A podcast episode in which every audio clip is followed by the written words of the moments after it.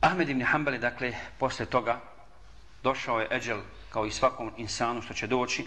Spominje se da mu je ušao jedan od učenjaka i poznatih pobožnjaka Ebu Bakr, El Marwazi, i pitao ga je kejfe asbah, ja Ebu Abdillah, kako si osvanuo o Ebu Abdullah, pa kaže Ahmed ibn Hanbal, kako će osvanuti onaj od koga Allah zahtijeva da izvršava njegove fardove, od kojeg poslanik traži i zahtjeva da izvršava i sprovodi njegov sunnet, od kojeg njegov nefs traži da slijedi strast, od kojeg meleki pisari traže da popravi svoja dijela prije smrti, od kojeg iblis traži i zahtjeva da čini razvrat, da bude nevjernik i od kojeg melek smrti traži i zahtjeva da mu uzme dušu da mu uzme duhu. Dakle, kako će osvanuti taj čovjek? Pogledajte, borbe, stalna borba do, do smrti. I spomnije se čak jedna predaja da mu je došao Iblis i rekao Ahmede, spasio si se.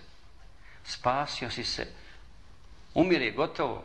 I toliko si iskušenja imao, sad si spašen. A on je rekao, ne još, ne još.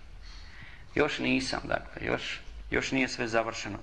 I umro je 241. iđeske godine ovaj veliki islamski učenjak i veliki autoritet, autoritet muslimana.